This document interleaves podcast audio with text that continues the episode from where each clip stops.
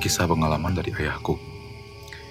Semasa kuliah sekitar tahun 90-an, ayahku mengikuti organisasi pencinta alam. Nah, suatu waktu, ayahku ini diajak untuk mengikuti sebuah kegiatan, yaitu kebut gunung. Kebut gunung ini adalah kegiatan mendaki tujuh gunung yang ada di Jawa Timur.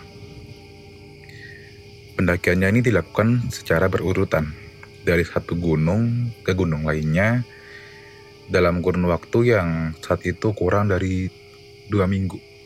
Jadi benar-benar naik turun gunung hampir tiap hari lah. Kegiatan ini uh, secara berurutan ya dimulai dari Gunung Welirang, Gunung Arjuna, Gunung Anjasmoro, Gunung Bromo, Gunung Semeru, Gunung Ijen, dan yang terakhir adalah Gunung Raung.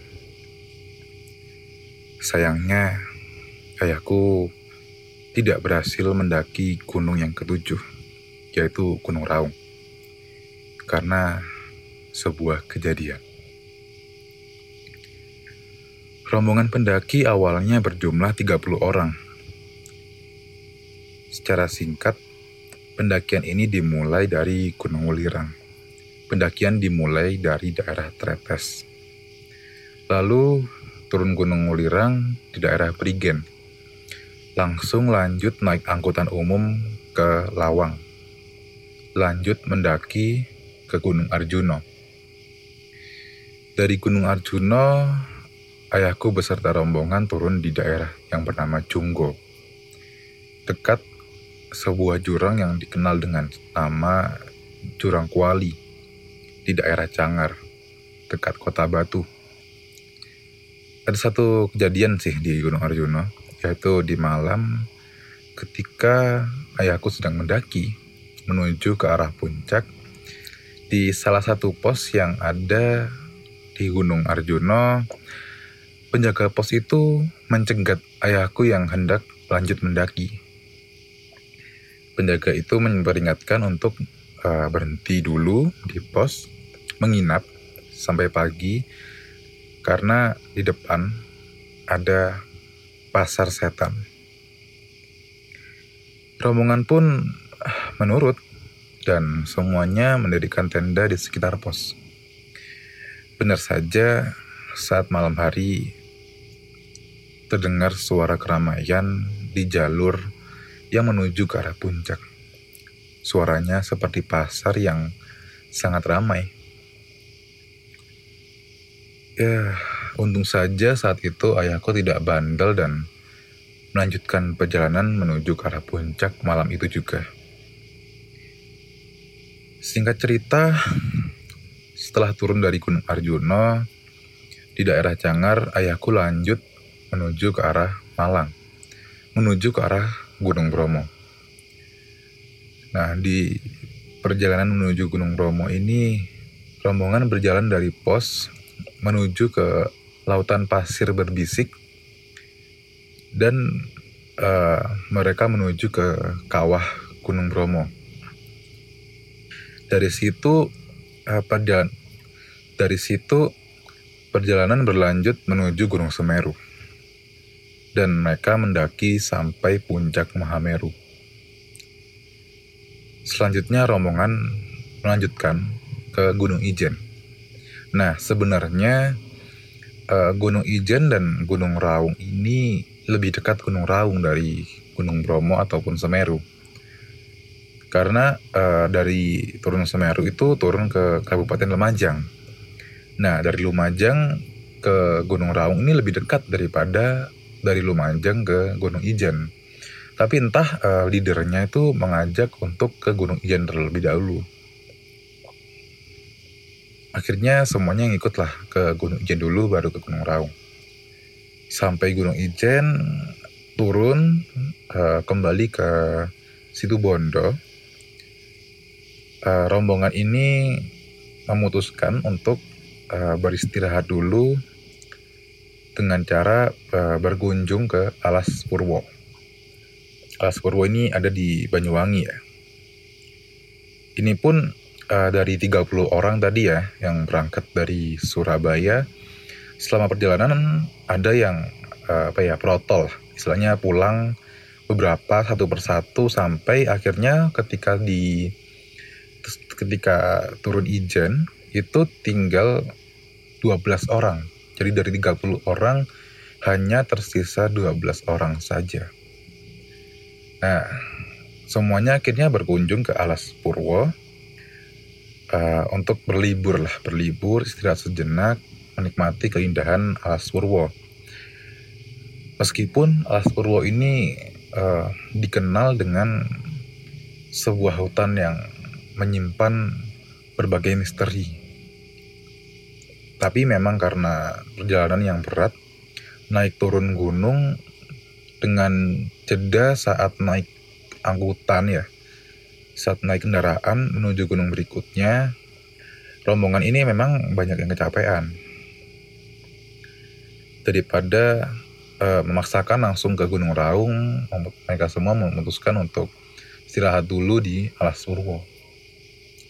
Di Alas Purwo uh, rombongan ini beristirahat dulu di pantai triangulasi Lalu lanjut ke Pantai Pancur.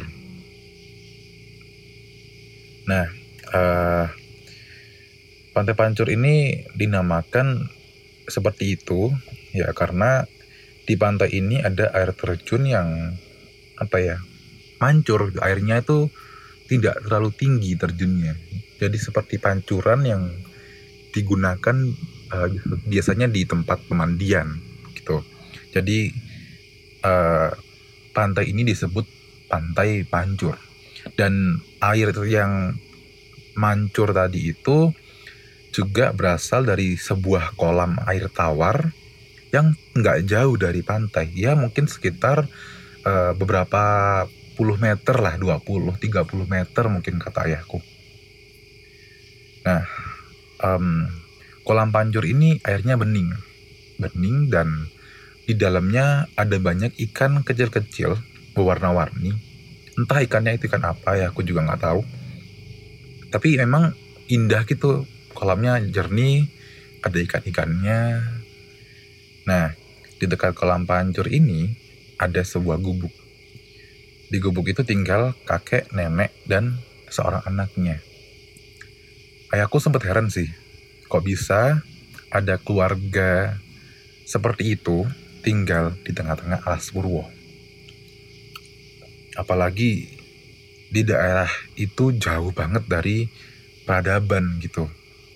Jauh banget dari pedesaan. Karena bener-bener alas, bener-bener hutan. Tapi uh, ayahku nggak tanya sih, nggak tanya lebih lanjut ke keluarga ini alasannya kenapa kok tinggal di situ. Meskipun begitu, uh, keluarga ini apa ya ramah, ramah sama rombongan. Uh, kakeknya ini suka menemani ikutan ngobrol. Dan akhirnya ayahku mendapatkan banyak cerita juga di situ. Pengalaman-pengalaman hidup beliau di Alas Purwo. Nah, uh, salah satu teman ayahku saat itu bertanya ke kakek itu, apakah boleh berenang di kolam ikan itu, kolam pancur ini. Kakek ini uh, bilang boleh nak tapi kakek ini bilang boleh tapi jangan ganggu ikan-ikannya ya anggota rombongan pun akhirnya itu uh, uh, apa ya mendengar itu mendengar itu anggota rombongan kan senang ya senang dan berniat untuk berenang bareng-bareng di kolam itu. Dan ayahku ini juga agak heran karena ikan-ikan yang kecil-kecil itu bukannya takut sama manusia tapi justru mendekat. Jadi seperti ikan jinak gitu. Malah harusnya kan kalau ikan-ikan yang apa ya ikan-ikan tuh kalau ada manusia mereka menjauh takut kan. Tapi ini enggak mereka malah ikan-ikan ini malah uh, mendekat malah seperti jinak gitu loh nah salah satu teman ayahku, sebut aja Doni. Doni ini terpukau dengan salah satu ikan yang ada di kolam itu. Menurut Doni, ikan ini nggak biasa warnanya, unik gitu. Jadi Doni ini akhirnya ingin untuk memelihara ikan itu, mau dibawa pulang. Akhirnya Doni ngambil plastik dari tasnya, plastik bening, dia isi air, lalu digunakan untuk membawa ikan itu pulang. Jadi ikannya itu ditaruh di dalam plastik itu dibawa di dalam tasnya. Esoknya, rombongan ini melanjutkan perjalanan untuk mendaki Gunung Raung. Setelah keluar dari Alas Purwo, ternyata empat orang dari 12 orang anggota rombongan yang kebetulan semua empat orang ini adalah uh, wanita itu memutuskan untuk pulang karena apa ya mungkin lelah lah ya jadi akhirnya tersisa delapan orang yang semuanya itu laki-laki termasuk ayahku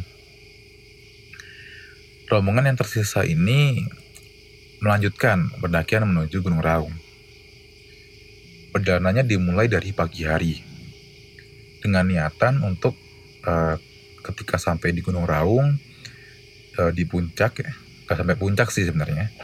Mereka ingin melihat uh, matahari terbenam. Saat itu adalah pertama kalinya ayahku mendaki Gunung Raung. Di Gunung Raung ini ternyata banyak sekali batu-batuan besar di sepanjang jalan mendaki. Sampai puncak gunungnya itu juga harus mendaki batu besar yang apa ya seperti dinding lah seperti dinding batu. Jadi kayak harus dipanjat menahan tali gitu kayak kayak apa ya panjat tebing gitulah. Dan itu terjal banget ayahku dan teman-temannya memang tidak berniat untuk mendaki sejauh itu. Mengingat kondisi fisik mereka juga sudah uh, cukup kelelahan. Ini memang tujuannya hanya untuk sampai di istilahnya apa ya puncak bayangan lah kayak puncak bayangan. Perjalanannya ini dilanjutkan sampai sekitar jam setengah sebelas siang.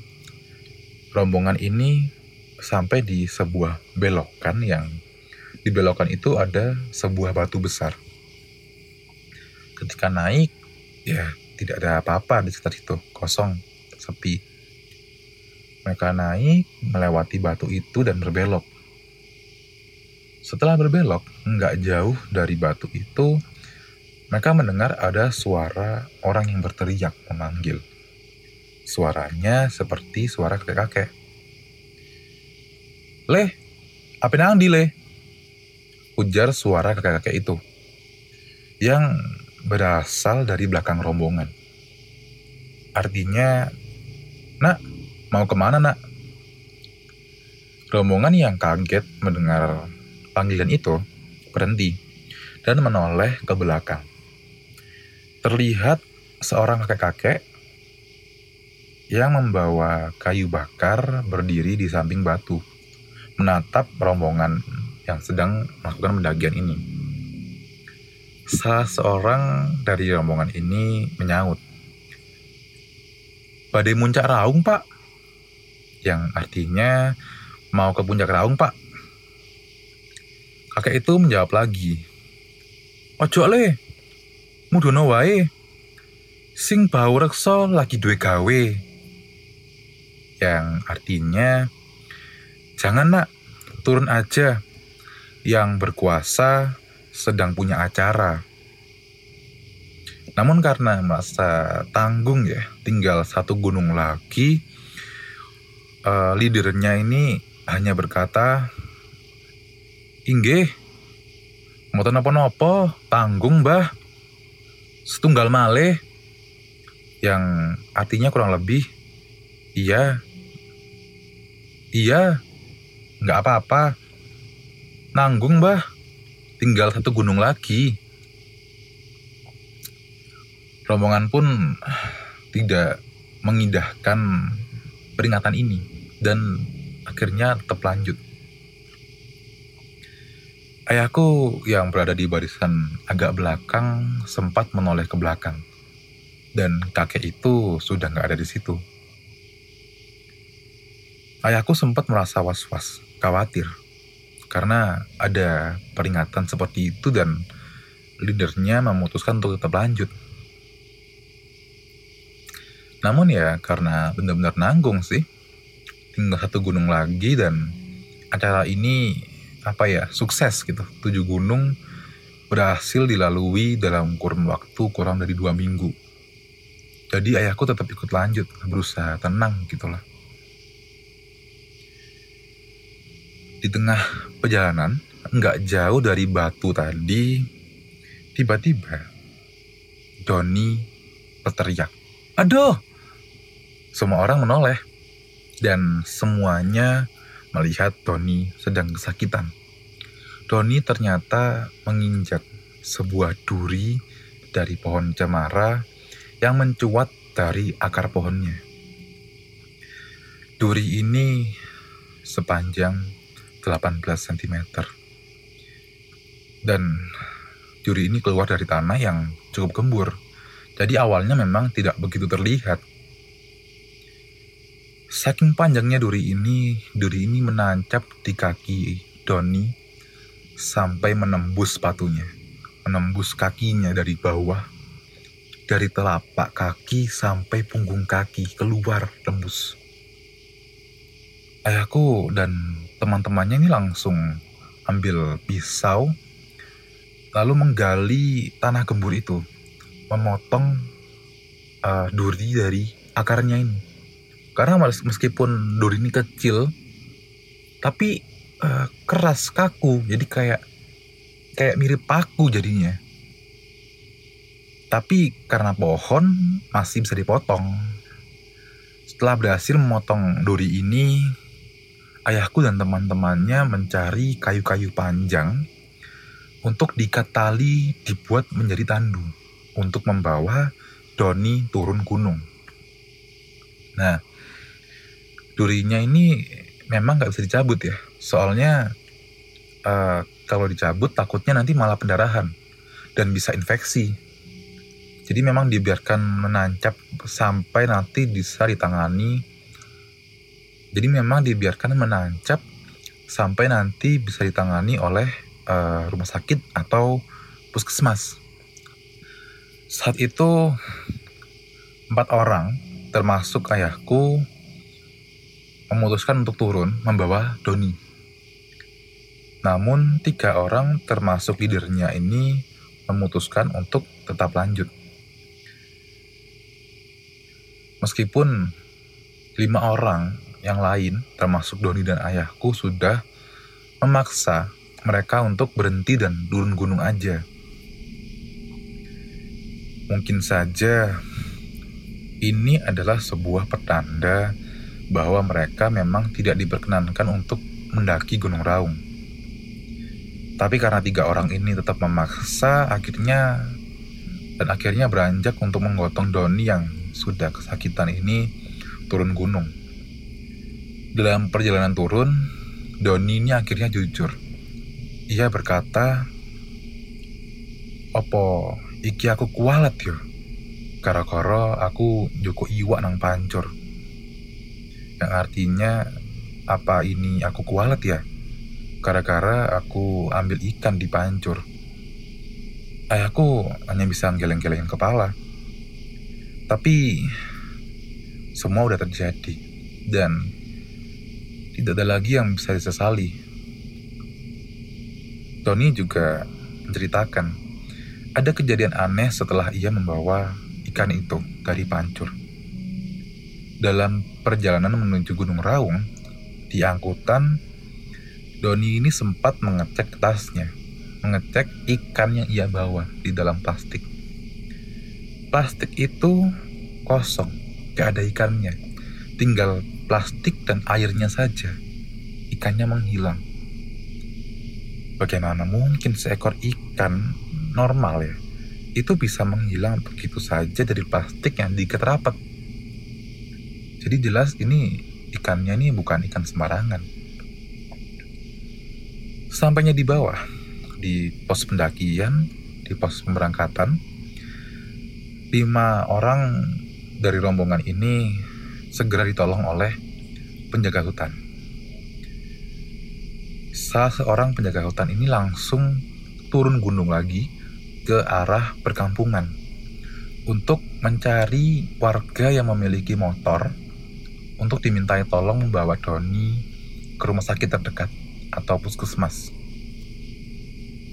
Dan tak lama setelah rombongan ayahku ini sampai di pos, ayahku melihat ke arah gunungnya, ke arah Gunung Raung dan ternyata kabut atau halimun itu sedang turun menutupi uh, Gunung Raung ini. Bahkan ayahku pun sampai hampir kehilangan pandangan saat itu karena jarak pandangnya yang sangat pendek.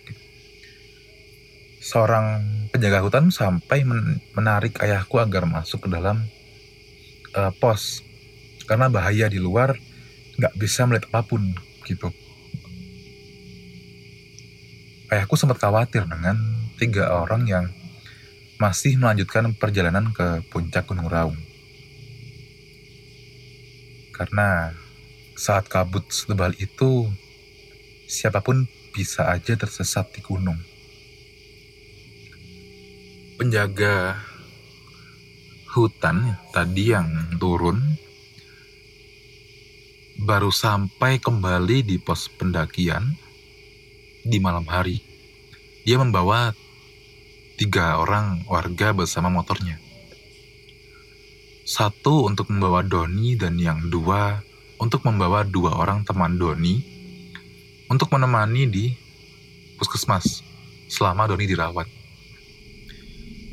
Ayahku dan satu orang lagi tinggal di pos untuk menunggu temannya yang belum turun.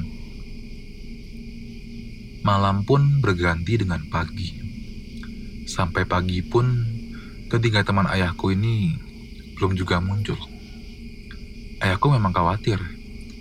Tapi karena mungkin saat turun kabut semuanya tiga orang ini berhenti dulu dan melanjutkan esok harinya mungkin jadi dipikir mungkin baru hari kedua bisa turun gitu. Tapi ditunggu sampai tiga hari tetap tidak kunjung ketemu gitu. Yang tiga orang naik ini nggak kunjung turun gunung juga. Ayahku juga sudah uh, menceritakan soal kakek yang memperingati mereka di atas. Penjaga hutan itu berkata bahwa kakek tua itu adalah juru kunci atau kuncen dari Gunung Raung. Tapi kuncen Gunung Raung ini sangat sulit ditemui. Katanya bahkan ketika dicari di rumahnya pun belum tentu bisa ketemu. Kebetulan rumahnya ini juga ada di atas Gunung Raung ya, di, di jauh dari uh, pemukiman terdekat. Tiga hari setelah Doni dibawa ke puskesmas, dua orang yang menemani Doni kembali ke pos. Mereka ditemani oleh tim SAR yang memang bertujuan untuk melakukan pencarian. Hingga hari kelima, tiga orang teman ayahku ini tidak kunjung ditemukan. Beberapa kali juga tim SAR mencoba menemui juru kunci tapi nggak pernah ketemu. Kabar hilangnya tiga orang teman ayahku ini menyebar di kalangan pencinta alam di Surabaya. Beberapa pencinta alam di Surabaya berbondong-bondong menyusul ke Gunung Raung untuk membantu pencarian. Ayahku masih bertahan di Gunung Raung, membantu pencarian dan membantu di pos untuk menyediakan makanan dan logistik untuk tim pencari. Sebenarnya kondisi fisik ayahku juga sudah cukup drop saat itu, sudah kelelahan. Tapi karena Khawatir dengan teman-temannya, ayahku masih bertahan. Ketiga temannya yang lain bersama Doni sudah pulang duluan. Karena kondisi Doni yang memang harus dirawat di rumah sakit yang lebih uh, mumpuni begitu. Hingga lima hari kemudian, akhirnya ayahku diminta teman-teman yang lain untuk pulang, mengingat kondisi fisik ayahku yang benar-benar sudah kelelahan. Sampai hari ini, tiga orang teman ayahku itu tidak pernah ditemukan.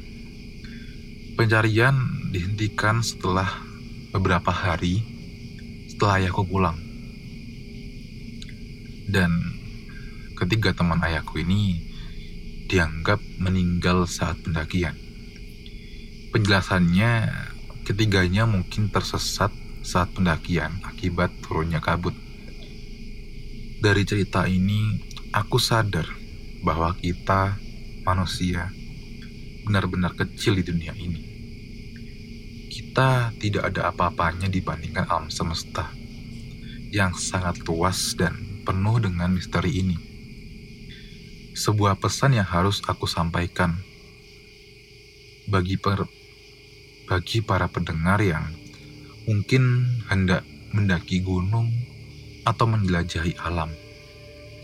Patuhilah aturan-aturan, patuhilah aturan-aturan yang ada. Selalu berhati-hati, jangan lupa berdoa. Saling bantu, bahu-membahu dalam segala kesulitan. Semoga kita semua diberi keselamatan oleh yang Maha Kuasa. Aku Noca, terima kasih sudah mendengarkan.